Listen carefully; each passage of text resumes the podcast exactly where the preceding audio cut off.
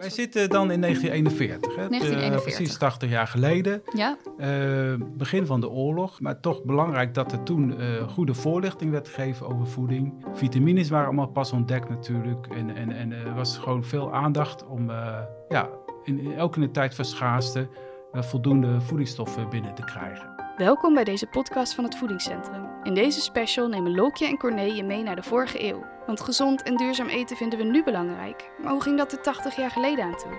En welke rol speelde Martine Wit op Koning hierin? Lokje interviewt Corné over de Jamie Oliver van de 20ste eeuw. welkom Corné. Hallo. Goed dat je er bent. Jij bent expert duurzaam eten bij het voedingscentrum. Dus als we het hebben over de geschiedenis van duurzaam eten en ook van meer plantaardig eten, dan, eh, ja, dan moet ik volgens mij bij jou zijn.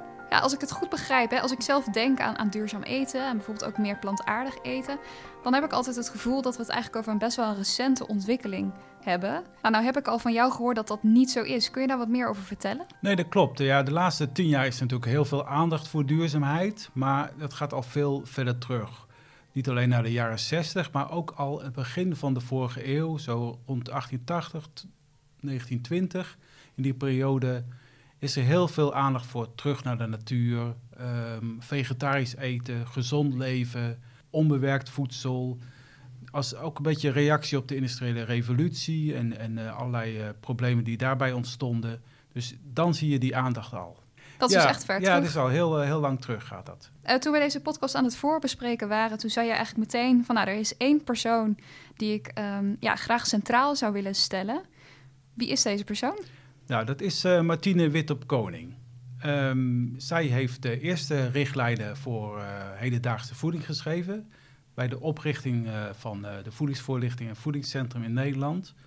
Eh, maar daarvoor was ze ook al heel bekend. Ehm, dus vanaf ja, ehm, 1890 of zo is zij heel actief al op het gebied van, van koken en voeding. Ja, dan kan ik me voorstellen dat er ook andere mensen waren die ook enorm actief waren. Waarom moeten we het dan zo specifiek over haar hebben? Nou, zij was een hele markante, invloedrijke figuur vanaf eh, 1893 al. Ehm, en zij heeft heel veel eh, publicaties geschreven, veel kookboeken die heel goed verkocht eh, werden. Ze is dus betrokken geweest bij de eerste richtlijnen en heeft heel veel werk gedaan op het gebied van huishoudscholen. Ja, wie was zij? Wat voor leven heeft zij geleefd? Ja, zij kwam eh, uit Duitsland. Ehm, haar ouders kwamen naar Nederland omdat eh, haar vader eh, ingenieur was en hier, hier werk kreeg. Zij ging naar de Amsterdamse huishoudschool en zij was in eh, 1893 eh, de eerste die in Nederland die diploma lerares koken en voedingsleer kreeg. Ze werd in 1901 eh, vegetariër. Ja. Ehm, daar komen we straks nog even op terug. En ehm, op een gegeven moment begint ze ook een eigen huisartsschool in de 1906. Eh, de nieuwe huisartsschool in Amsterdam. En zij is eh, ook betrokken bij de opzet van het diëtistenonderwijs. Dus opleiding voor diëtetiek eh, heeft ze ook een belangrijke rol in gespeeld. En waarom doet zij dat? Nou, allereerst het oprichten van een eigen huishoudschool. Nou, in feite was ze, was ze niet helemaal eens met de koers van, van de Amsterdamse huisartsschool, waar ze eerst was. Eh, zij vond huishoudonderwijs heel belangrijk. Eh, haar belangrijkste vraag was: hoe voeden we ons het goedkoopst en toch goed? Mhm. Ehm, en vanaf eh, 1901 is ze ook al heel actief in het schrijven van allerlei eh, kookboeken. Wat voor kookboeken waren dat? Wat voor ideeën kwamen daarin naar voren? Nou, haar bekendste kookboek eh, uit 1901 is eenvoudige en berekende recepten. Daarin rekende ze uit wat eh, een maaltijd dan kostte, maar ook over gezond koken. En eh, heel veel aandacht voor hoe, hoe maak je met weinig geld een gezonde maaltijd. Maar ook, ze heeft ook een boek gemaakt over het verwerken van spijsresten. Dus over ja, voedselverspilling. Toen ook al aandacht voor om dat te voorkomen. En eh, ook al in 1937 een eh, vegetarisch kookboek, het vegetarisch eh, middagmaal. En je ziet in dat kookboek bijvoorbeeld dat eh, ze heel veel vleesvervangers eh, recepten voor geeft. Voor eh, bruine bonen gehakt of vegetarische frikandel. Nou, Klinkt, Ja. heel, klinkt heel hip, eigenlijk bruine bonen gehakt. Ja. Wat voor gerecht was dat? Ja, nou, zij gebruikte dan bruine bonen, ui, een beetje vet, curry erin, tomatenpuree. Ehm, een beetje aardappelen om te binden. En ehm, ja, eigenlijk een recept dat ook nog eh, nu gebruikt kan worden. En al- ze maakte allerlei dus varianten Ja. eh, eh, als vleesvervanger. Want ook zoiets als de frikandel, dat, dat kenden mensen toen ook al. Ja, dus allerlei producten op basis van witte bonen, van, van ook als soja werd er genoemd, bruine bonen. Dus, dus zij was daar echt al mee bezig. Mooi. En ja, hoeveel werden deze kookboeken gelezen en gebruikt? Eh, weet je daar wat over? Heel goed. Bijvoorbeeld eh, dat, dat eh, eenvoudige en berekende recepten is 62 keer herdrukt en werd 50 jaar daarna nog uitgegeven. En je ziet bijvoorbeeld dat dat vegetarisch middagmaal, zij introduceerde kaas in de warme maaltijd. Eh, daarvoor in Nederland was het heel ongebruikelijk om kaas bij de warme maaltijd te gebruiken, alleen op brood. Maar zij zag dat als een goede vleesvervanger en sindsdien nou, is het eh, niet meer weg te denken uit de Nederlandse keuken. Dus zo- daaruit zie je haar grote invloed. Wat maakt de rol van Martine Wittop Koning in een meer ecologische visie op voeding zo belangrijk volgens jou? In de eerste plaats maken zij natuurlijk vegetarisch eten meer mainstream, meer gebruikelijk voor iedereen. En zij gaf ook bijvoorbeeld in de richtlijnen een groente- en fruitkalender, eten met de seizoenen.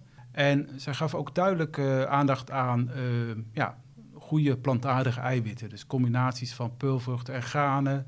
een goede verhouding eh, tussen dierlijk en plantaardig eiwit. En ook eh, ja, zuinig koken, dus voedselverspilling voorkomen. Dus al die elementen zie je al terug in haar kookboek. Ja, de- inderdaad veel vroeger dan ik in ieder geval eh, had, had verwacht. Dus dat is interessant. Als ik het goed begrijp, ehm, ja, heeft zij ook de eerste richtlijnen voor hedendaagse voeding ontwikkeld. Klopt dat? Precies, dat klopt. Dat heeft ze samen gedaan met eh EG van het Hoog, eh, hoofdredacteur van Tijdschrift Voeding. Welke, welke tijd zitten we dan nu? Wij we- zitten dan in 1941, hè? 1941. Eh, precies 80 jaar geleden. Ja, begin van de oorlog, maar toch belangrijk dat er toen goede voorlichting werd gegeven over voeding. Vitamines waren allemaal pas ontdekt natuurlijk en, en, en er was gewoon veel aandacht om ja, in, in, ook in de tijd van schaarste voldoende voedingsstoffen binnen te krijgen. En je ziet dan eh, dat de Voedingsraad eh, deze opdracht geeft van haar om die richtlijnen eh, te maken. wat is de voedingsraad voor club?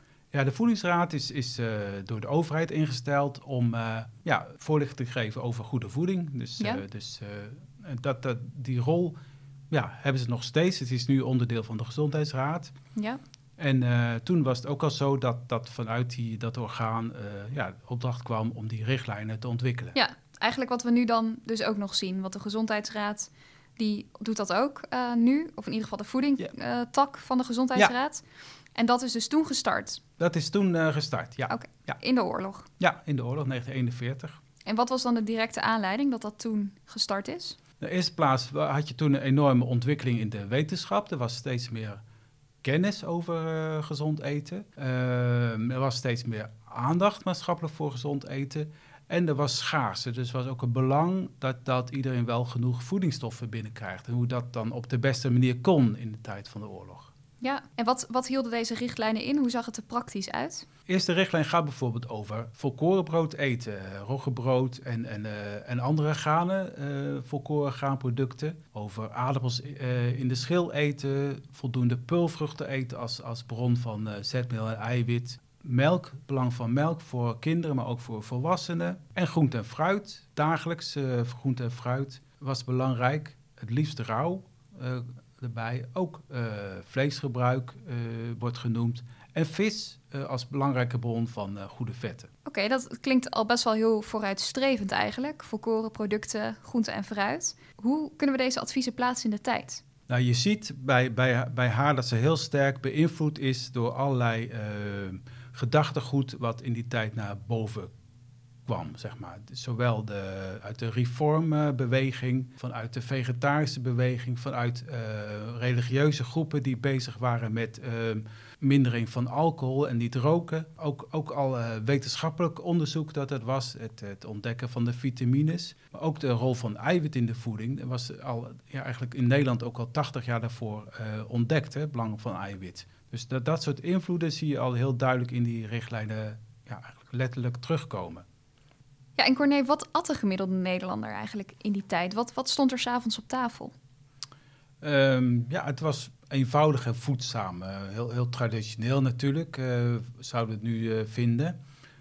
veel aardappels, veel, veel brood, um, pap bij het ontbijt of na het eten nog. Um, groenten van seizoen. Um, niet zoveel als we nu zouden aanbevelen, maar wel, wel gebruikelijk om groenten te eten. melk werd er geconsumeerd, kaas, brood. En uh, vlees en uh, vis in beperkte mate, omdat uh, ja, toch dat onbetaalbaar was voor veel mensen of heel schaars op dat moment. Op zich redelijk gezond, maar er was natuurlijk nog wel een slag te maken. En die slag wilde Martine Wit op Koning dus maken met de hedendaagse richtlijnen voor voeding. Inderdaad, ja. En wie waren haar inspiratiebronnen? Nou, je ziet een heel belangrijke invloed van, van wat we nou de reformvoeding noemen Max Biergebenner uit Zwitserland. Hij was degene die echt al uh, experimenten deed met, met, uh, met de rauwkost, met vegetarisch eten en uh, de invloed daarvan op gezondheid. hij was ook degene die zei van rauwkost is belangrijk boven koken, want anders heb je kwaliteitsverlies. Plantaardig is belangrijker boven dierlijk eten en volwaardige koolhydraten boven eiwitten. Dus hij had echt al invloed op het denken over volkoren eten, producten in zijn geheel consumeren, dus niet te sterk bewerken. Ja, dat je je voeding afstelt op precies wat je lichaam nodig hebt. Dus dat, dat was een belangrijke invloed van hem. Een andere invloed van, uh, was vanuit de vegetarische beweging. Uh, ze was ook redacteur van, van de Vegetarische Bode en lid van de Vegetarisch Bond. Want even die, die, die Vegetarische Bond en die Bode, die bestonden toen al? Die bestonden toen al, ja. Ja, je ziet dat ehm, ehm, in 1894 eh, al wordt, wordt de Vegetarische Bond opgericht uh, in Nederland door, door Felix Ort, Ferdinand Domela Nieuwenhuis, wel bekend denk ik vanuit de sociale beweging.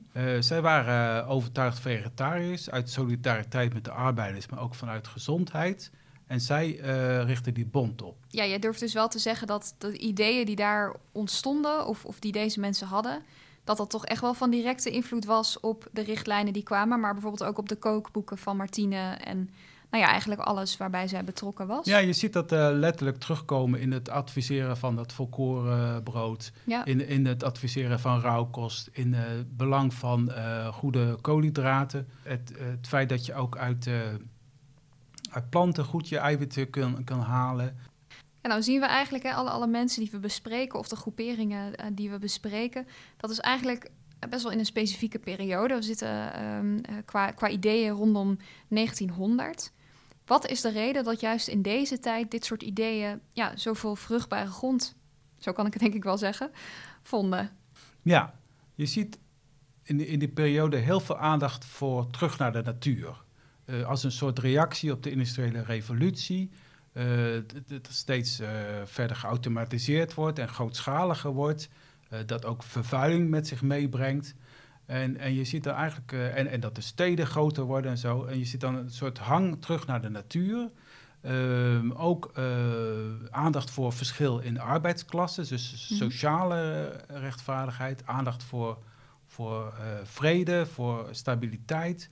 En dat zie je er veel mensen ook dan um, dat denken verbinden aan, aan hun levensstijl, zeg maar. Dat ze ook anders gaan leven, proberen bijvoorbeeld uh, koloniën op te richten, in, in een eigen groep uh, leefregels aan te passen, uh, maar ook heel duidelijk producten gaan maken. Dat ze vleesvervangers op de markt gaan brengen, dat ze gezonde volkoren producten gaan maken, soja, melk, pindakaas en dat soort dingen. Dus echt weer ook dat ja, actief in worden. Zeg. En gaat die maatschappij er dan op dat moment ook echt anders uitzien? Heeft dit ook echt effect? Nou, uh, beperkte zin. Je ziet er wel zo'n beweging voor die, die reformbeweging, uh, beweging van vrije scholen, Montessori-scholen, uh, communes die komen, ehm, nieuwe vormen van landbouw. Uh, maar je ziet dus zo helaas ook dan ja, de, de, de crisis komen dan in die tijd en de, de opkomst van, van nationaal socialisme. Dus, dus het is een spannende tijd waar veel verandert. Dus het is eigenlijk een hele spannende tijd waarin uh, Martine Witopkoning floreert met haar kookboeken en later ook de uh, hedendaagse richtlijn voor voeding in 1941. Zeker, zeker. Je ziet uh, alleen al die richtlijnen worden 100.000 exemplaren van verkocht. In 1943 uh, wordt die herdrukt. Dus dan wordt echt goed afgenomen. En mensen hebben ook, ja, maken daar ook praktisch gebruik van. En je ziet het ook, ja, dat, dat er gewoon ook een noodzaak is om, om je goed te voeden in, in die oorlogstijd. En dat ze ook echt wel uh, heel, heel praktisch dat in de, met goede recepten die heel goedkoop zijn. Dat je van allerlei uh, restjes nog wat kan maken. Dus, dus uh, vindt echt een goede voedingsbodem daarvoor. Wat doet zij verder? Hoe, hoe is haar leven verder verlopen? Nou, ze is altijd uh, alleen gebleven, echt zelfstandige vrouw. Ja, uh, altijd een gewerkt. Geëmancipeerde ja, vrouw? geëmancipeerde vrouw, hm. altijd gewerkt, uh, veel gepubliceerd. Ehm, ze overlijdt in 1963. En ik vind eigenlijk ook dat ze een beetje vergeten is. En dat ze ook wel best wel weer wat aandacht mag hebben. Kijk, Kees Hartog is heel bekend gebleven als, als eerste directeur van het voedingscentrum. Maar uh, zij verdient echt een plekje daarnaast als, als, als auteur van die uh, richtlijnen voor hedendaagse voeding. En uh, haar invloed op, op het koken in, in Nederland, op de voedingsleer, op, op de opleiding voor diëtisten. en, en, en dat soort zaken, is, ja, dat verdient ze ook wel een ereplek. Ja, want je noemde haar eigenlijk in een van de gesprekken die we over haar hadden, noem je haar, noemde je haar de Jamie Oliver van Nederland eigenlijk. Kunnen, kunnen we dat zo zeggen? Ja, zeker. zeker. Ze, is, ze is minstens zo groot. Ze heeft echt uh, ja, tientallen kookboeken gepubliceerd die echt heel goed verkocht werden. Ze heeft die, dat, uh, dat uh, huishoudschool, die huishoudschool opgericht. Ze heeft heel veel diëtisten opgeleid.